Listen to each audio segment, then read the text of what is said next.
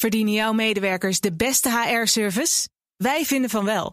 Numbers combineert payroll met slimme HR-features. Bespaar kosten en geef medewerkers eenvoudig toegang tot verlof, declaraties en loonstroken. Probeer Numbers op nmbrs.nl. De BNR Techniek Tour wordt mede mogelijk gemaakt door Wijtechniek. Wijtechniek. Samenwerken aan jouw ontwikkeling. BNR Nieuwsradio. De Techniek Tour. Paulien Seluster. Onze bodem daalt. Al zo'n duizend jaar. In september zei de Raad voor de Leefomgeving en Infrastructuur... kabinet, zorg dat de bodemdaling in het Veenweidegebied stopt. En dus gaat deze techniektour richting het Groene Hart, Veenweidegebied. En daar zorgt bodemdaling voor problemen in landelijk en stedelijk gebied. We beginnen in dat laatste, stedelijk gebied, in Boskoop. Onze gids deze hele aflevering is Gilles. Uh, mijn naam is uh, Gilles Erkens en ik werk bij het onderzoeksinstituut Deltares en de Universiteit Utrecht. En hij is de man die alles weet over bodemdaling en dat heeft hem een mooie bijnaam opgeleverd. De nationale zakspecialist word ik door sommigen genoemd. Ja. Een bijnaam die ik er maar koester als geuzennaam. Uh, en ja, er zijn meer mensen in Nederland die aan bodemdaling werken. Zeker ook onderzoekers. Mm -hmm. veel. Ehm, maar goed, ik trek een van de teams bij Daltaris. Het Ja. bodemdalingsteam bij Daltaris. Ik zit ook bij de Universiteit Utrecht. En we hebben met alle grote partijen in Nederland... alle grote onderzoekspartijen... hebben we een groot consortium opgericht... Ja, waarin we heel veel onderzoek doen. precies. Dus dat is ook eh, naast Deltaris Universiteit Utrecht... ook de Technische Universiteit Delft, Wageningen Universiteit en eh, TNO. Ja, dus je hebt een overzicht over al het... eh, Ja, dat is misschien de belangrijkste, belangrijkste meerwaarde die ik heb. Ja. Waar gaan we heen? We gaan lopen richting eh, die dwarsstraat daar. Want daar zijn wat oudere huizen. En sommige daarvan zijn verzakt. Ja, want we zijn in eh, Boskoop. Waarom wilde je naar Boskoop? Nou, dit komt omdat Boskoop ligt midden in het veengebied in Nederland. En eh, bouwen op slappe grond, op veen of op kleigrond, eh, geeft wat uitdagingen. Want die grond is soms te slap om de gebouwen te blijven ondersteunen. Ja. En dan kunnen ze, ze kunnen verzakken. En ook kunnen ze verzakken als we bijvoorbeeld extra gewicht aanbrengen... of als we iets met het waterpeil in zo'n stedelijk gebied doen. En dit, ja, dit, dit zijn dan de oudere huizen, denk ik, die we daar Ja, precies. Dus eh, voor ons zien we een aantal huizen, ik denk uit de jaren 20 en 30 van de 20e eeuw, eh, gebouwd. En eh, nou, degene die we voor ons zien, zie je al dat hij een klein beetje scheef staat. Hè. Als je kijkt naar de ja, rand links, met links dat... is een beetje naar beneden. Ja, links naar beneden, precies. En de rand met dat eh, ja, soort schuur of een aanbouw die ernaast zit, zie je dat hij ook wijkt naar Oh boven ja, die toe. gaat de andere kant op. Ja. en als je dan naar rechts kijkt, zie je daar een huis, op zich een heel mooi huis, met Ja. een soort eh, gele eh, versieringen. Ja. En dat he- helpt helemaal naar voren. Oh ja. Zie je, dat is naar voren gekomen. Dus dat zijn eh, typisch voorbeelden. Eigenlijk als je de straat zo langs kijkt, zie je allemaal huizen die op een andere manier naar voren, naar achter of schuin staan. Ja, want dat vraag ik me wel af. Hoe kan het dat eh, de ene dan naar voren helt, de andere naar links, de andere naar rechts? Ja, kan, dat kan eh, verschillende oorzaken hebben. Misschien eh, dat er aan de voorkant toevallig net wat meer gewicht is aangebracht. Ja. Het kan ook zijn dat er, dat er ondergrond net wat anders is daar. We staan aan een drukke weg, dat hoort de luisteraar misschien. De, de voor... ja, dus dat zou zou kunnen zijn. Het zou ook kunnen zijn dat er aan de voorkant bijvoorbeeld een, een riool ligt. Wat, eh, wat drainerend werkt. En waardoor de grondwaterstanden lokaal een klein beetje verlaagd zijn. Waardoor er Ja. iets meer zetting is. Ja. Het hoeft overigens niet. We denken dat het huis hierdoor eh, ja, zulke schade heeft opgelopen dat je het niet meer kan repareren of zo. Je kan, je, als dit zo blijft. Ja, het hoeft niet probleem. erg te zijn. Nee, hoeft niet, precies, niet per se erg te zijn. Alleen als je een knikkerbaan wil aanleggen in huis is dat ingewikkeld. eh. Ik zie geen inderdaad scheuren of iets dergelijks. Dat valt me. Het is vooral, tenminste, ik zit ook even te speuren op de verschillende huizen. Nee, dat zien we nu niet. Maar ik denk als we verder lopen dat we wel een aantal voorbeelden zien. Want ik kan me voorstellen dat dat een van de grote risico's is voor je huis als eh, het daalt. Ja, scheuren in huis is een belangrijk eh, gevolg eh, daarvan. En uiteindelijk ook ja, is er dermate scheefstand mogelijk of schade door scheuren... dat het echt helemaal vervangen moet worden. En ook eventueel funderingsherstel moet plaatsvinden. Ja. En dat zijn hele grote kosten waar je dan tegenaan Dan moet je het huis van onder ophogen eigenlijk. Van onder ophogen en eh, bijvoorbeeld betonnen palen eronder eh, zetten. Ja. En dan eh, heb je ook geen zakkingen meer.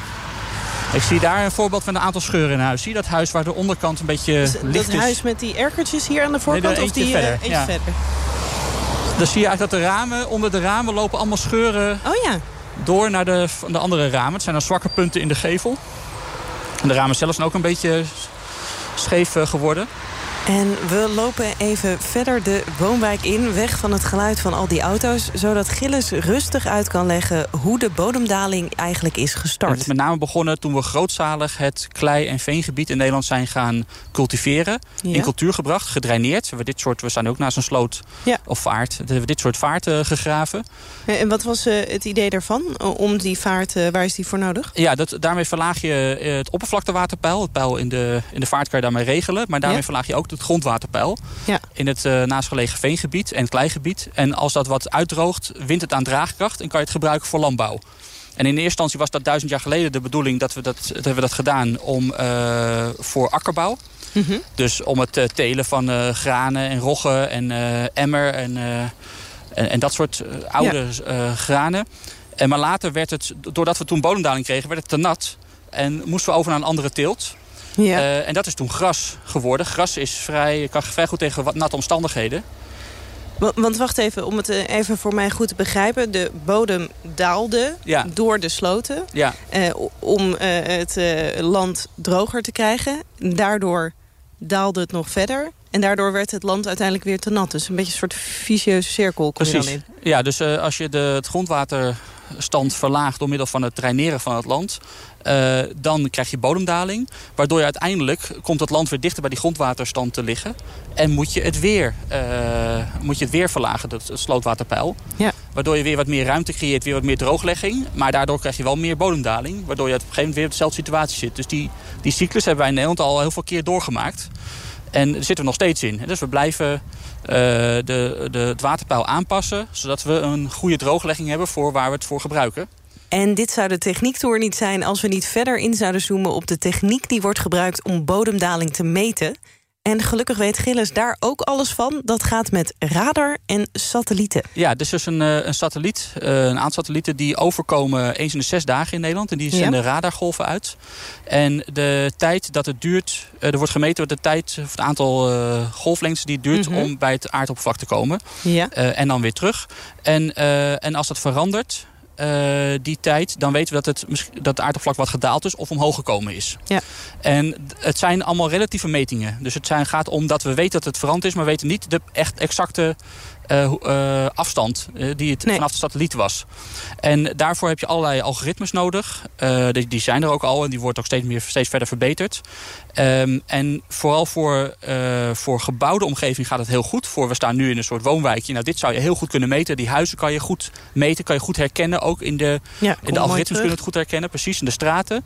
Maar we staan hier op een grasstrookje. Dit gras kan je niet goed... In de algoritmes kunnen het niet goed dit herkennen dit gras. Nee. En daardoor hebben we hier dus geen informatie over. Terwijl een heel groot deel van bodemdaling in Nederland is gras. Dat zijn die ja. veenweidegebieden. Ja, dus daar zou je dan die meetstations in precies. de grond uh, ja, moeten hebben. precies. Nou, we willen ook meetstations hebben in de stad. Om, ja. Hoewel het beter gaat met die uh, reflectie en, ja. uh, van de, met de raadsatelliet... is het toch goed om te weten wat er in die stad nou helemaal gebeurt. Dus we, we bouwen nu een ja, metingssysteem voor het platteland en één voor de stad. En dat gebeurt in samenwerking met allerlei regionale overheden hier in het Groene Hart.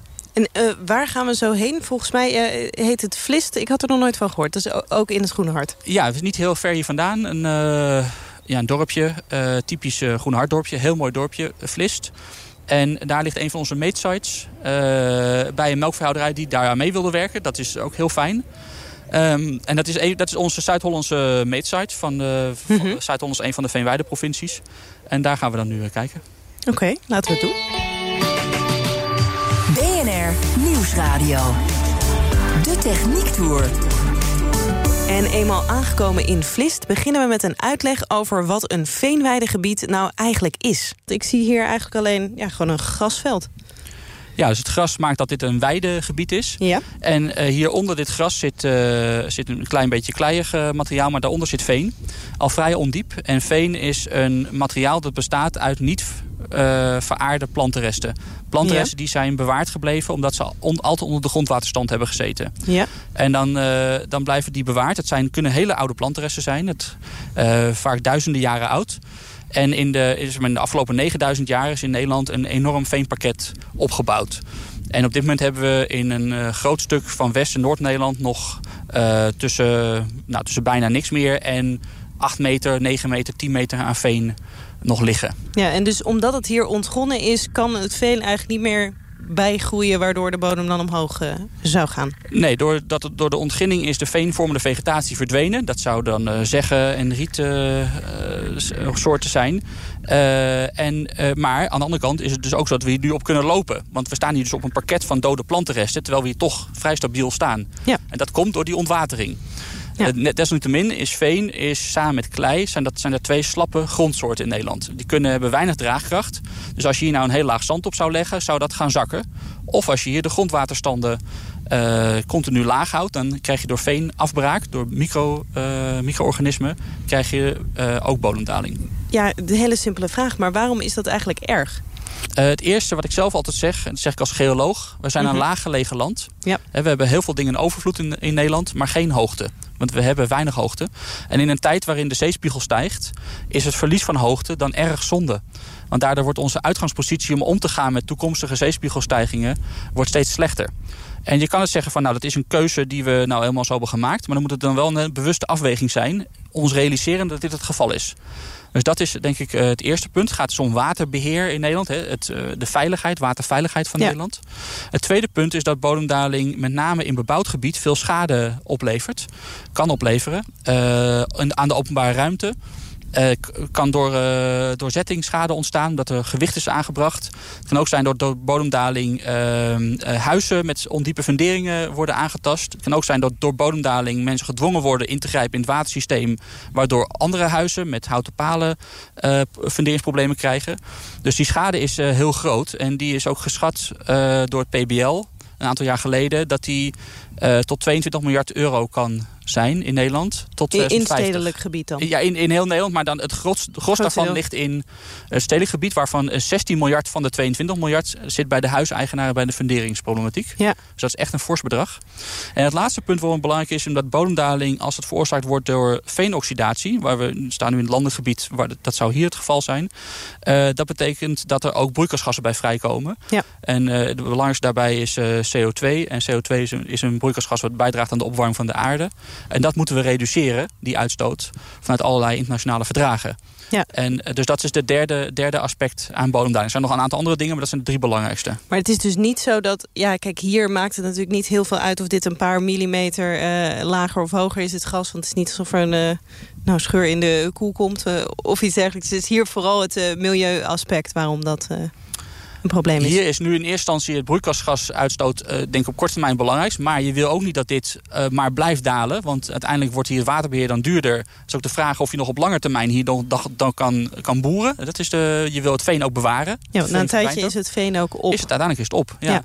En wat ook zo is, kijk, je merkt hier niet zoveel van... omdat ook de pijlen zijn aangepast de afgelopen tijd. Maar als we dat niet hadden gedaan... dan hadden we hier een veel nattere omstandigheid gehad.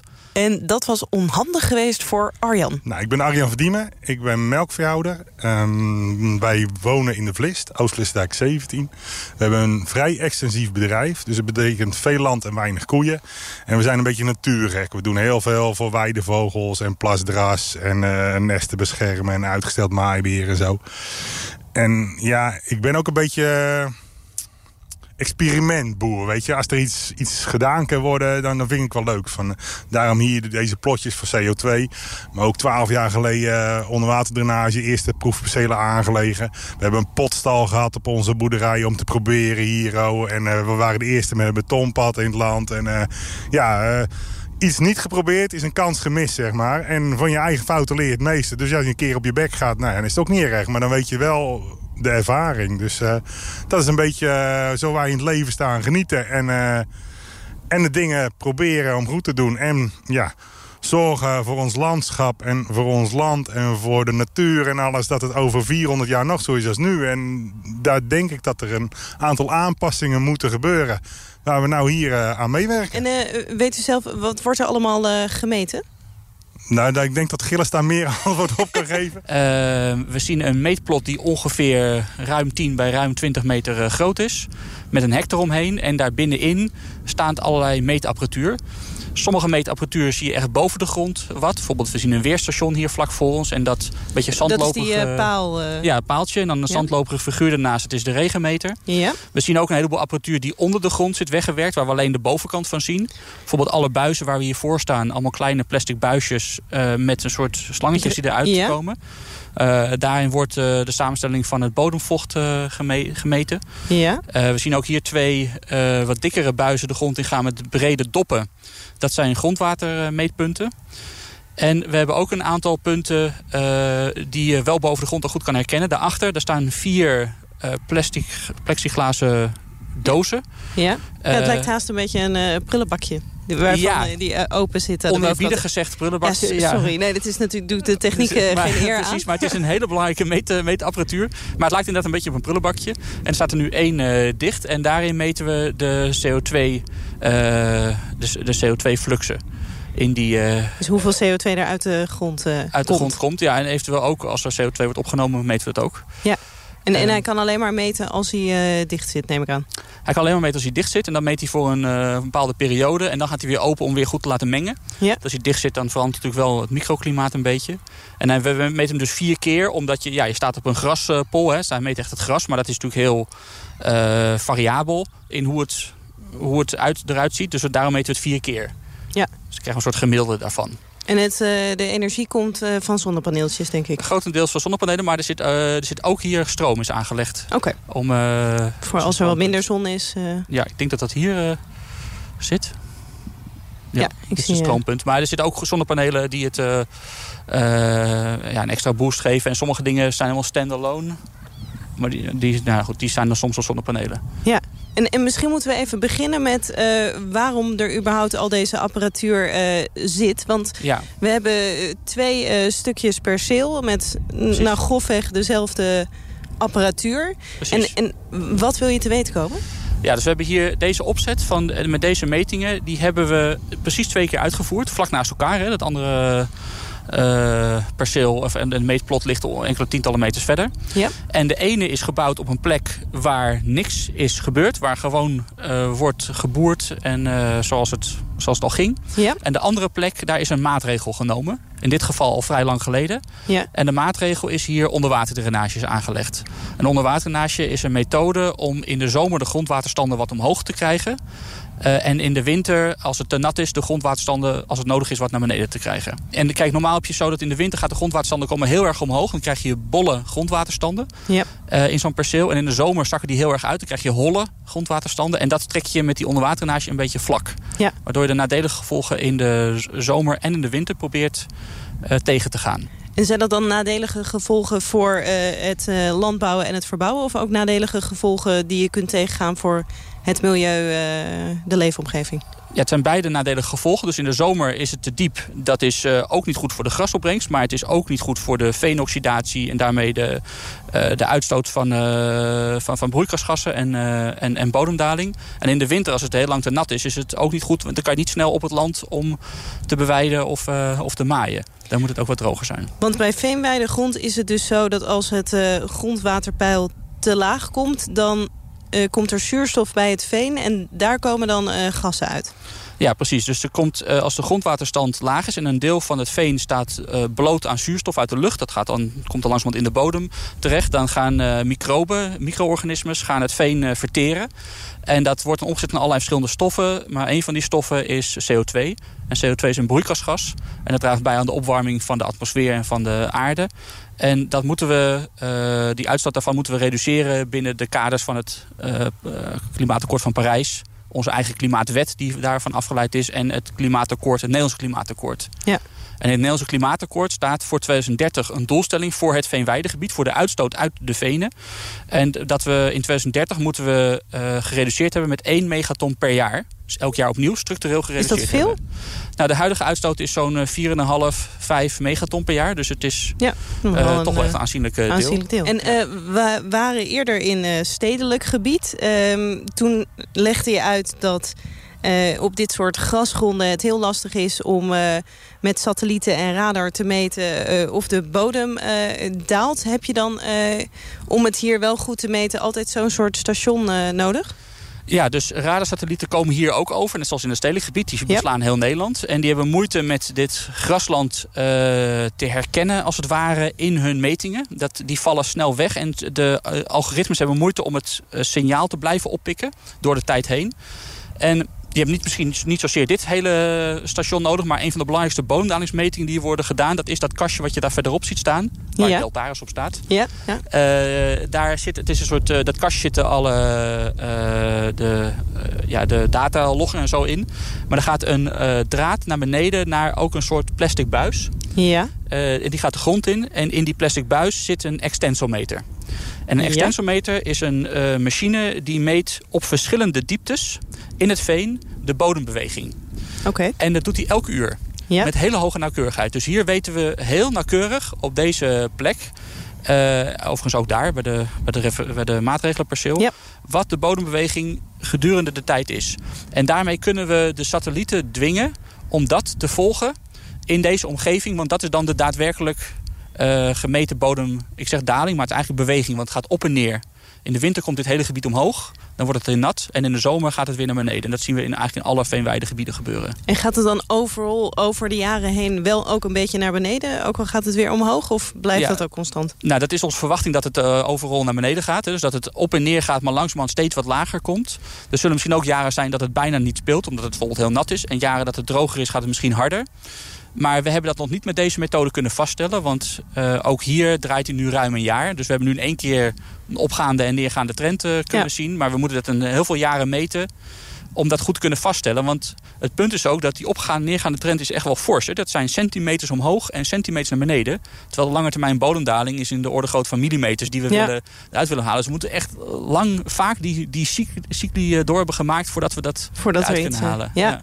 En uh, op hoeveel plekken wordt dit zo uh, gemeten in Nederland? Nou, deze stations staan nu op uh, vijf plekken. Ja. En die worden op dit moment ook uitgebreid naar een aantal andere plekken. Uh, dus in, dat is in over alle veenweide provincies van Nederland. Dus dat is zeg maar West-Nederland en Noord-Nederland.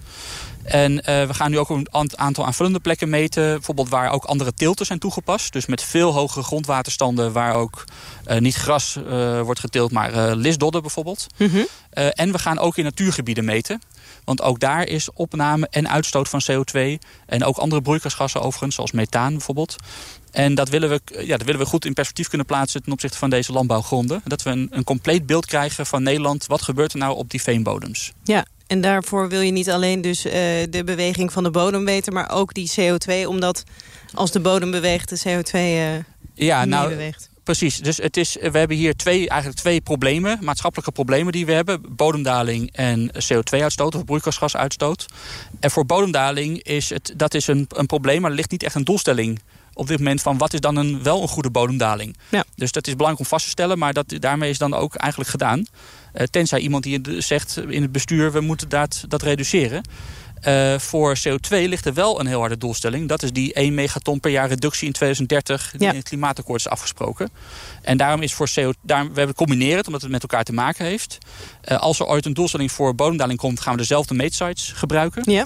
Uh, voor CO2 is het natuurlijk belangrijk dat we, ja, ook als we die doelstelling willen halen, moeten we wel weten wat de effecten zijn van maatregelen. En dat stellen we op dit soort sites vast. En daarom is dit soort sites enorm belangrijk. Ja. En daarom ben ik ook heel blij dat melkveehouders willen meewerken hieraan. Uh, want uh, ja, als we geen site hebben om het te meten, dan houdt het natuurlijk op. Ja. En het is natuurlijk onhandig, want je moet er omheen maaien... en er staat een ding in je, in je land. En dan is de slotvraag aan Arjan. Zo'n ding in je land, zou je dat ook aanraden aan andere boeren? Nou, ik zou het vreselijk aanraden aan iedereen om, uh, als ze de kans krijgen, om hier aan mee te doen. Want je, je behoudt, of je, we gaan ervoor dat je meewerkt aan, aan maatregelen en aan, aan beheersplannen en bedrijfsstrategieën die kan zorgen dat er over 400 jaar nog geboerd wordt op die veengrond in Nederland. En met dat mooie vergezicht zijn we aan het einde van deze techniektour. Natuurlijk kan je ons vinden in de BNR-app of online. Volgende week is Carlijn Meinders weer terug, dus namens haar tot dan. De BNR Techniektour wordt mede mogelijk gemaakt door Techniek Nederland. De makers van morgen. Verdienen jouw medewerkers de beste HR-service? Wij vinden van wel. Numbers combineert payroll met slimme HR-features. Bespaar kosten en geef medewerkers eenvoudig toegang tot verlof, declaraties en loonstroken. Probeer Numbers op nmbrs.nl.